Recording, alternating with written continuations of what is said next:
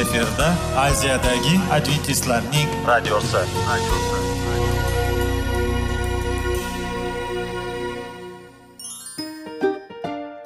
assalomu alaykum aziz radio tinglovchilar sog'liq daqiqasi rubrikasiga xush kelibsiz. Zero tananing sog'lom bo'lishi va uning kasalliklardan saqlash har bir insonning burchi hisoblanadi. Inson uchun bebaho boylik bu sog'liq salomatlikdir uni asrash esa har birimizga omonat qilib berilgan. Shuning uchun ham inson o'z sog'lig'ini ehtiyot qilishi voajib amallardan hisoblanadi. Dono xalqimiz sog'liq tuman boylik deb bejiz aytmagan. Aql idroq sohibi bo'lgan inson o'z hayotini qadrlashi lozim bo'ladi. Hozirgi kunda qanchalik dori darmonlar ko'paymasin tibbiy muassa sifati shifokorlar vasiyasi tibbiy texnika yaxshilanmasin. Agar insonning o'z salomatligi haqida qayg'urmasa kutilgan natijaga erishib bo'lmaydi va biz sizlarga bizning dasturimizga xush kelibsiz deymiz.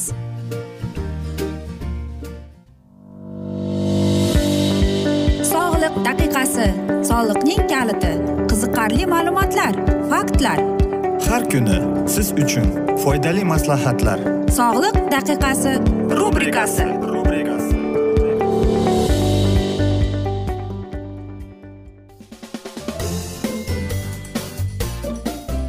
assalomu alaykum aziz radio tinglovchilar. Dasturimizga xush kelibsiz va biz sizlar bilan tana va sog'liq degan dasturda xushvaqt bo'ling deb aytamiz. Va bizning bugungi dasturimizning mavzusi buyraklar uchun foydali mahsulotlar deb nomlanadi. Albatta biz o'tgangi dasturimizda sizlarga buyraklar haqida aytib bergan edik. Bugun esa ular uchun qanday mahsulotlar foydali? Mana shu haqida. Buyraklar haqiqatdan ham tanadagi muhim ish joylari deb keladi. Masalan kichik lovlagi shakldagi organlar chiqindilarni qondan filtrlaydi. Shuningdek ular qon bosimini tartibga soluvchi yana suyuqliklarning muvozanatlashga va siydik hosil bo'lishga yordam beradigan gormonlarni chiqaradi. Buyrak kasalligi dunyo aholisining taxminan o'n foiziga ta'sir qiladi va yuqori qon bosimi va nazoratsiz qon shakaridan kelib chiqishi mumkin ekan. Masalan yosh yoki chekish yoki semirib ketish va jins kabi boshqa omillar ham rol o'ynab keladi. Buyraklar optimal ishlamay qolganda oziq ovqat mahsulotlaridan chiqindi mahsulotlar qonda hosil bo'lib tanani kasal bo'lib qoladi. Yaxshi narsalarni o'rganishdan oldin bilingki umuman olganda buyrak kasalligi bo'lgan odamlardan juda ko'p turli xil ovqatlar mavjud bo'lgan ba'zi bir ozuqaviy moddalarni cheklash suriladi. Uchta eng katta va bu kattasi natriy kaliy va albatta fosfordir. Siz aytasizki qanday mahsulotlar ekan? Qarangki eng birinchi o'rinda turadigan bu gulkaram albatta. Gulkaram bu vitamin c va k vitamini va hattoki folat b vitaminini kabi muhim oziq ovqat moddalariga boy o'simlik hisoblanar ekan. Bundan tashqari ovqat hazm qilishga yordam beradi. Gulkaramni xom yoki qovurilgan holda iste'mol qilish mumkin hatto kartoshka o'rniga ham. Qanday deysizmi? Masalan bir stakan bu bir yuz yigirma to'rt gramm pishirilgan karamda natriyning o'n to'qqiz kaliy bir yuz yetmish fosforning qirq grammigacha bo'lar ekan yoki bas baliqlari deb. Dengiz shirasi buyrak kasalligi bo'lgan odamlarga bu tavsiya etiladi chunki u boshqa dengiz mahsulotlariga qaraganda fosforning darajasi past bo'lgan omega uch yog'larini o'z ichiga oladi. Mutatilikda dengiz basini iste'mol qilish hali ham mumkin. Ammo omega uchga boy parhez mutadil ruhiy tushkunlik xavotir va kognitiv pasayishiga ham yordam beradi. Qarangki bir porsiyada pishirilgan dengiz balig'ida natriy yetmish to'rt kaliy ikki yuz yetmish to'qqiz fosfor ikki yuz bir milligrammga boy ekan. Albatta siz aytasiz qanday qilib? Yoki aytaylik tuxum sarig'ini ham juda to'yimli bo'ladi. Ammo uning tarkibida juda ko'p fosfor mavjud ekan. Shuning uchun buyrak kasalligi bo'lgan odamlar oqlarga yopishib olishlari kerak. Tuxum oqi aksilga boy ammo fosfori kam. Shuning uchun ular ko'pincha dializga duchor bo'lgan odamlar uchun tavsiya etiladi. Dializ bilan og'rigan bemorlarda odatda aksilga ko'proq ehtiyoji bor. Va buyraklar bilan bog'liq bo'lgan muammolar natriy miqdorini kamaytirish kerakligi sababli siz ham xushbo ovqatdan zavqlanishingizdan qo'rqishingiz kerak. Yaxshiyamki sarimsoq tuzga ajoyib alternativ va o'zining foydali ozuqalarni ham berib keladi. Qarangki sarimsoq tarkibida c vitamin b vitamini marganiz va yalliqlanishga qarshi ba'zi oltin gugut birikmalari mavjud ekan. Sarimsoqning uchta bo'lagida bu kamida to'qqiz grammni tashkil qiladi. Natriy bir yarim kaliy o'ttiz olti va fosfor shunda grammni olar ekan. Va qarang biz aytamizki bu buyraklarning kasalligiga bo'lgan mahsulotlar deb. Lekin yana bir narsa borki qanday qilamiz? Bizga aytishadiki ko'k choy ichishimiz kerak deb. Bu albatta eng kerakli va eng bizga bo'lgan yaxshi va aytaylik foydali organlardan hisoblanadi. Aytingchi siz ovqat yoki mashinangiz masalan buzilib qolsa nima qilasiz? Siz unga buzilmasligi uchun siz unga eng qimmat va eng yaxshi yog'liqdan quyib kelasiz. Ammo lekin tanachi? Tanaga kelganimizda biz albatta o'ylanib qolamiz birozgina. Shuning uchun ham bu bizning sog'lig'imiz bizning buyrakimiz va biz o'tgan galgi dasturimizda aytganimizdek buyrak bu filtr. Ya'ni siz nimani iste'mol qilsangiz u o'shani filtrlaydi tozalaydi. Va faqatgina shundan keyin u ajratib keladi. Va to'g'ri balkim shunday ham bo'lishi mumkindir.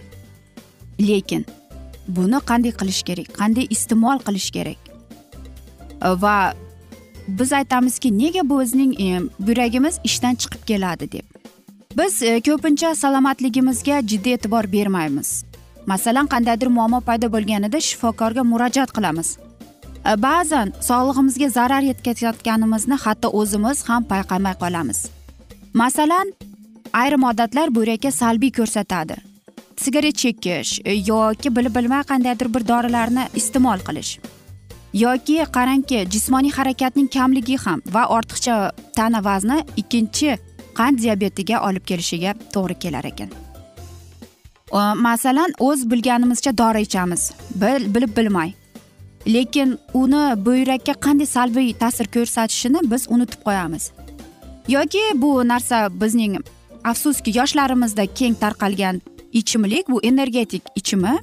Э, afsus ular ko'p ichadi. Lekin ular bilmaydiki bu ichimlikning tarkibida qand ko'pligi bois u organizmning suvlanishiga olib kelar ekan. Va albatta bizning jigarim buyragimiz albatta yuklamani kuchaytiradi. Aziz do'stlar mana shunday alfozda biz bugungi dasturimizni yakunlab qolamiz. Afsuski bizning dasturimizga biroz vaqt chetlatilgani sababli. Ammo lekin sizlarda savollar tug'ilgan bo'lsa biz sizlarni salomat klub internet saytimizga taklif qilib qolamiz. Va albatta biz umid qilamizki siz bizni tark etmaysiz deb chunki oldinda bundanda qiziq va foydali dasturlar kutib kelmoqda va biz sizlarni va yaqinlaringizga sog'lik salomatlik tilagan holda xayrlashib qolamiz.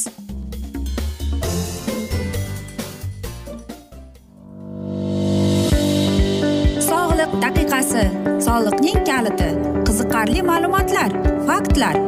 Har kuni siz uchun foydali maslahatlar. Sog'liq daqiqasi rubrikasi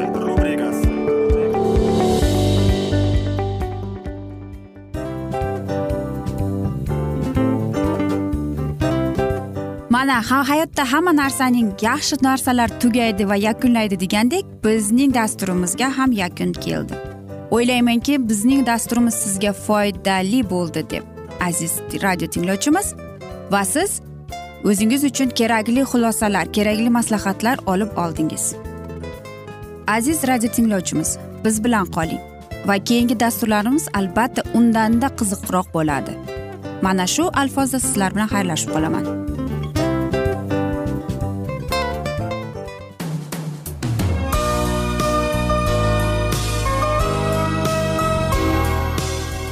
Efirda aziyadagi adventistlarning radiosi.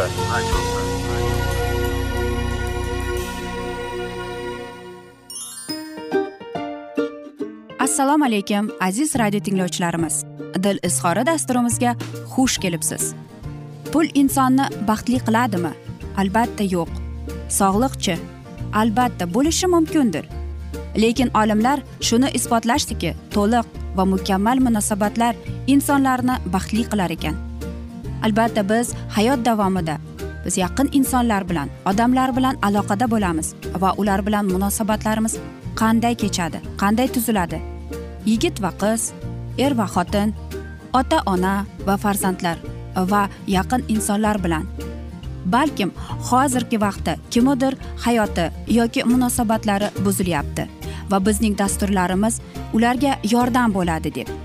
Va oldinda sizlarni qiziqarli intervyular va mavzular kutyapti va biz umid qilamizki siz biz bilan qolasiz deb.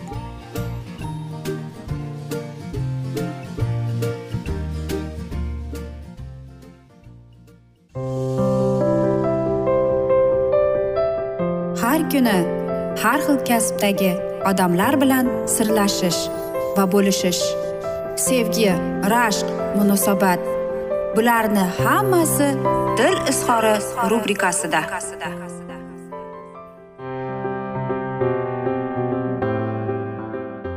Assalomu alaykum aziz radio tinglovchilar. Dasturimizga xush kelibsiz va biz sizlar bilan erkaklar marsdan ayollar veneradan degan dasturni o'qib eshittirishni boshlagan edik. Va bugungi bizning dasturimizning mavzusi nega erkaklar va ayollar dunyoga boshqa boshqa ko'zlar bilan qaraydi deb nomlanadi. Nega shunday ekan? Axir biz ham ayol va erkak bir insonmiz lekin erkaklar boshqacha dunyoga qaraydi. Ayollar ham dunyoga boshqacha nazar bilan qarashadi. Erkak va ayollar dunyoga shunday qarashadiki xuddi boshqa umuman har xil ko'zoynak taqib yurgandek. Ayniqsa bu narsani biz nimadan ko'rish mumkin? Erkaklar boshqacha qilib qaraganda ular o'ylaydiki hmm, aytaylik bir xil emas ularning e, bir ko'zi qarashlari bir narsaga qaratilgan ayollarniki esa keng qaratilgan. Albatta qarang ikki dunyoqarash bo'ladi lekin ikkalasi ham har xil. Erkaklarning ongi umuman boshqa aytaylik bir narsa bilan bog'liq bo'ladi va keyinchalik u butun rasmni butun mana shunday suratni xayolida keltirib chiqaradi. Ammo lekin ayollarning ongi esa umuman u butun e, mana shunday suratni to'liqligicha ko'radi. Va keyingina ayol uning mayda chuyda iqirlarigacha ko'rib chiqadi. Va qarangki ayollarimiz butun dunyoqarashini ham boshqacha qilib qaraydi ekan. Qanchalik bu shunday? Bizning qiziqishlarimiz dunyoqarashimiz e, bizning kitob o'qishlarimiz xayollarimiz umuman har xil ekan. Biz ayollarning ongi ochiq bo'ladi va biz umuman mana shunday o'zaro munosabatni sezib kelamiz ekan. Qarangki agar biz sevgida qiziqishimiz bo'lsa biz nima qilamiz? Albatta u bilan suhbat qilamiz u bilan emotsional holda almashamiz va biz u bilan munosabatda bo'lishimizga to'g'ri keladi. Lekin erkaklarimizchi ular o'zlarini qanday his etadi? Albatta ularning qarashi umuman hayotga ular ishlaydi. Ularga bir mana shu mo'ljalda qo'ydimi demak o'sha narsaga yetmaguncha ular tinch qo'ymaydi. Nega shunday ekan? Nega biz e, erkaklarimiz ayniqsa qarangki negaligini har xilligini ko'rsatib chiqamiz. O'zingizga aytaylik olmani tasavvur qiling. Siz o'sha olmaga o'qni otmoqchisiz. Ya'ni o'qni otganingizdan keyin. Siz otasiz. Lekin u o'q to'g'ri kelib chiqadimi? Yoki aytaylikki qanday qilib bu bizning hayotimizda mana shunday narsalar katta rolni o'ynab keladi? Yoki erkaklar faqatgina bir narsaga nega ko'z qarashini qaratadi ayollar esa umuman keng qarashadi? Qarang ayollarning ongi keng bo'lganligi uchun ayniqsa kelajakka ayollarimiz ularni nima bo'lishi ularni tashvishlantiradi. Va albatta ular mana shu narsalarga tayyorlaydi o'zini.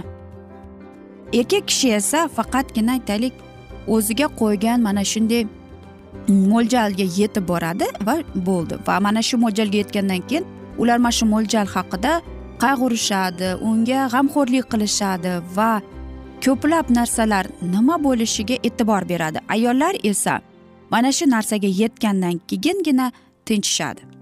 Ular bexavotir e, be mana shunday muammosiz harakat qilishga qiladi. A lekin aziz erkaklarimiz esa unday emas. Keling sizlarga bir misol keltiraylik. Qarang erkak kishi va ayol kishilarni aytaylik ayollar a punktidan chiqdi va b punktiga yetib kelish kerak. Demak ayollarni nima mana shu asnoda qiynaydi tashvishga soladi. Demak ular nima ovqatlanadi qayerda qanday e, tinchgina dam olib va keyingina qanday qilib e, mana shu punkt bga yetib borguncha. Va albatta erkaklarimiz esa nima qilishadi? Ular yo'lga chiqishadi. Faqatgina b punktiga yetib kelgandan keyingina ular bir biridan so'rashadi. Kimdir o'zi bilan ovqat oldimi deb. Va javoban hamma shunday so'zni eshitadi. Men bilmabman men esimdan chiqib qolibdi. Men o'ylardimki balkim sizlar bir narsani olasiz deb. Ular nafaqat tayyorgarlik ko'rgani yo'q. Ular hattoki o'ylagani ham ham yo'q. Ular nima qilishadi? Qanday qilib ular o'sha manzilga yetib boradi ham? Chunki ularni faqatgina bir narsa qiziqtirardi. A punktidan b punktga yetib borishni. Mana aziz do'stlar. Eng katta farqliliklar mana shu yerdan kelib chiqadi. Kichkina qizlarni va bolalarni nimaga o'rgatadi? Qizlarning ongi katta va aytaylik keng ochiq. Erkaklarniki esa faqatgina bir nuqtaga qaratilgan bo'lib katta bo'lishadi. Yoki aytaylikki biz ko'p hayotda uchraymizki mana shu dunyoqarashimiz boshqacha deb aytamiz. Aytaylik siz uyda va turmush o'rtog'ingiz oddiy narsani ko'rmaydi ham. Masalan aytaylik qaychini? Unga qaychi kelib bo'lib qoldi va u sizdan so'rayapti azizam mana shu qaychini ko'rmadingmi deb aytganda siz aytasiz palon joyda turibdi deb aytasiz to'g'rimi? U boradi va yana savol keladi bu yerda yo'q ekan deb aytadi. Albatta ayol kishining g'azabi kelib borib mana turibdiku deydi. U degani e, demak ayol kishining tushunchasi boshqacha bo'lib keladi. Erkaklar esa faqatgina mo'ljalni ko'radi ayollar esa keng qaraydi. Va qarang. Albatta mana shunday farqliklar bizning oilaviy hayotimizda munosabatlarda ham judayam katta muhim rol o'ynab qoladi. Aziz do'stlar afsuski mana shunday asnoda biz bugungi dasturimizni yakunlab qolamiz chunki bizning dasturimizning vaqti birozgina chetlatilgani sababli. Ammo lekin biz umid qilamiz siz bizni tark etmaysiz deb chunki oldinda bundanda qiziq bundanda foydali dasturlar sizni kutib kelmoqda. Va albatta biz sizlarga va oilangizga tinchlik totuvlik tilab yuzingizdan tabassum hech ham ayrimasin deb. Xayr omon qoling sog' qoling deymiz.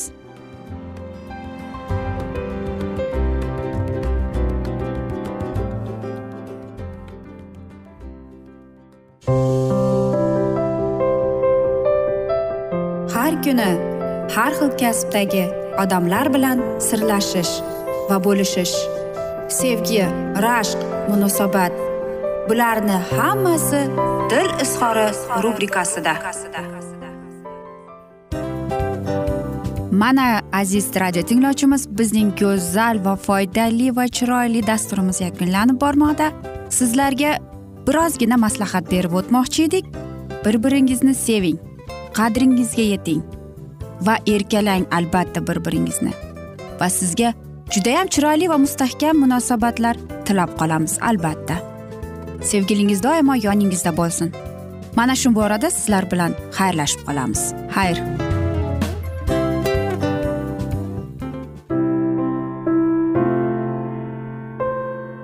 Hayotning noni. Qiziqtirgan savollar va javoblar. Buning hammasi ko'ngil uchun oziqa rubrikasida.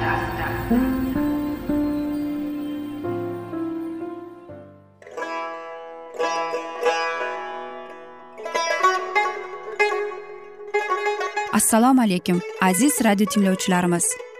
Ko'ngil uchun oziqa rubrikasida xush kelibsiz deymiz. Siz haqiqatni izlayapsizmi? Olamnimi? Umidnimi? Siz kimga murojaat qilmoqchisiz?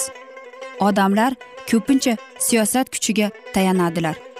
Dunyo iqtisodiyoti holati tobora chuqurlashib bormoqda. Tabiiy ofatlar va texnogen halokatlar minglab insonlarning hayotini olib ketib juda katta zarar yetkazmoqda. Sizga abadiy hayot inomini hadya qiluvchi va hayotingizni tubdan o'zgartiruvchi haqiqatni izlab toping.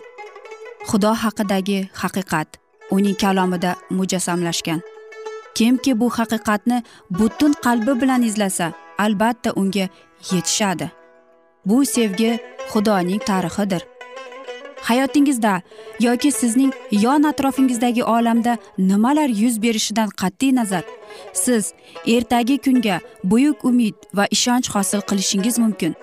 Hozirda xudo sizga taklif qilayotgan umid ishonchga o'z qalbingizni oching va sizni qiziqtirayotgan mavzularni savollaringizga javoblaringizni topib olasiz deb umid qilamiz. Biz bilan qoling.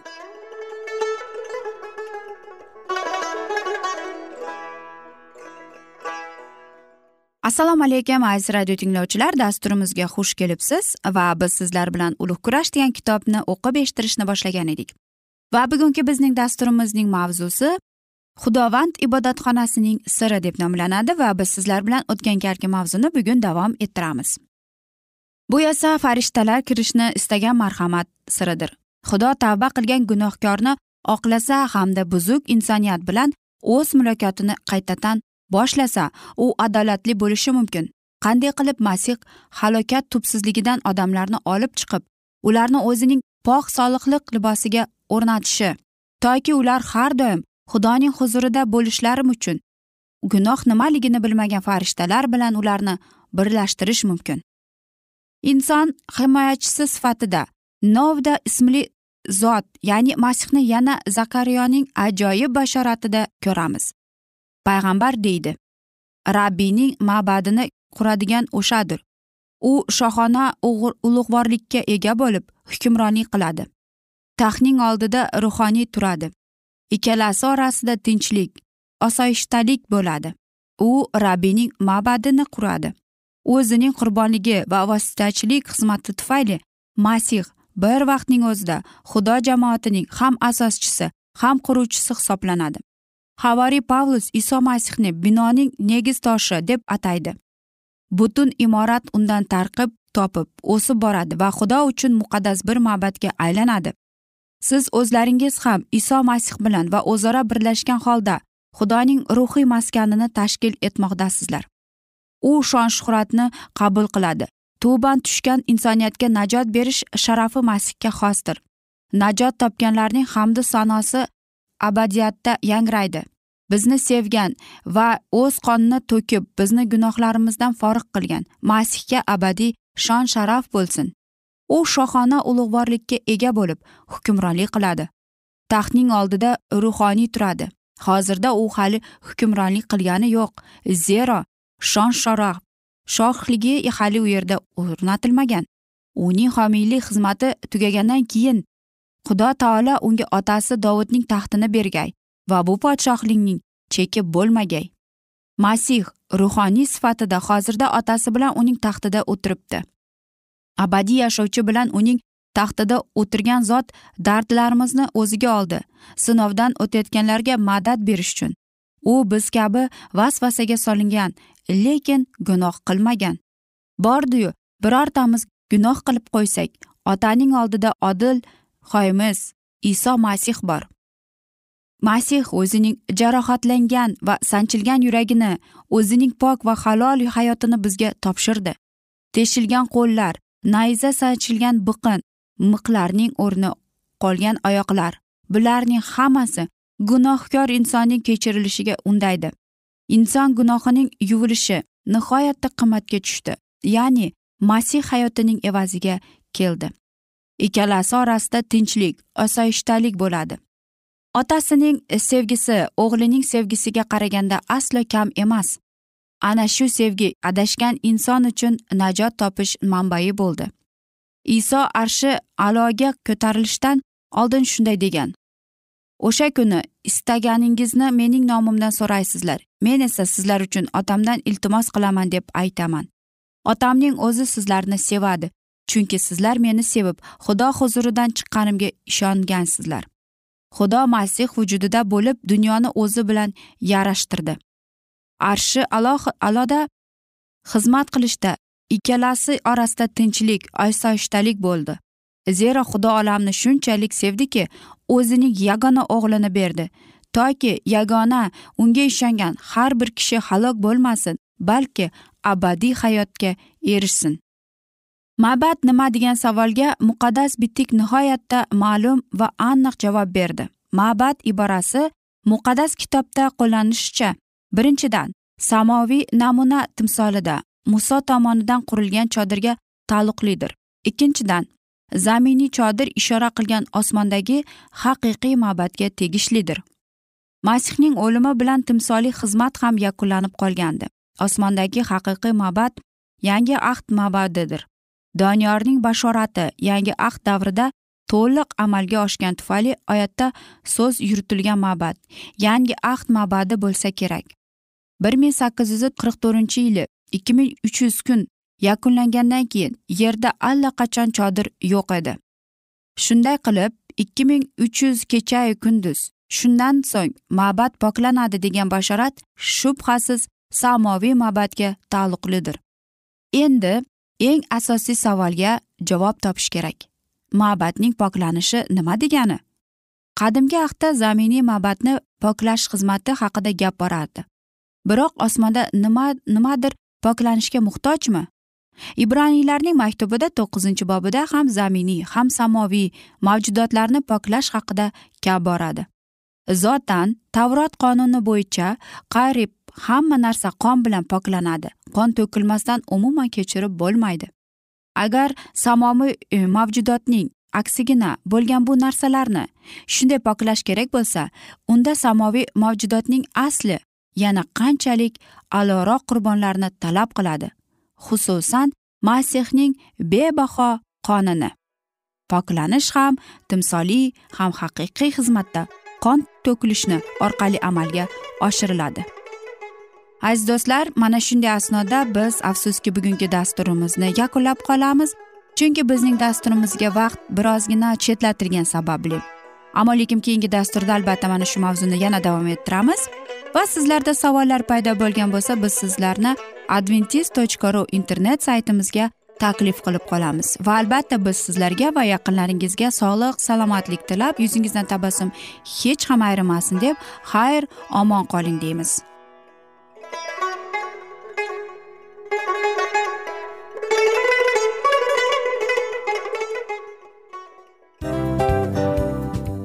Afsus afsus. Hamma yaxshi narsaning ham yakuni bo'ladi degandek bizning foydali va qiziqarli dasturlarimiz ham yakunlanib qoldi. Va men umid qilamanki bizning dasturlar sizga ozgina bo'lsada maslahat berdi foyda berdi. Va sog'liq borasida ayniqsa sizlarga foydali bo'ldi deb. Va siz bizning maslahatlarga amal qilasiz deb. Albatta keyingi dasturlarda undanda qiziqroq undanda foydaliroq ma'lumot berishga harakat qilamiz. Undada qiziqroq ko'rsatuvlar sizlarga hadya etishga harakat qilamiz. Bizni tanlaganingizga albatta sizlardan minnatdormiz.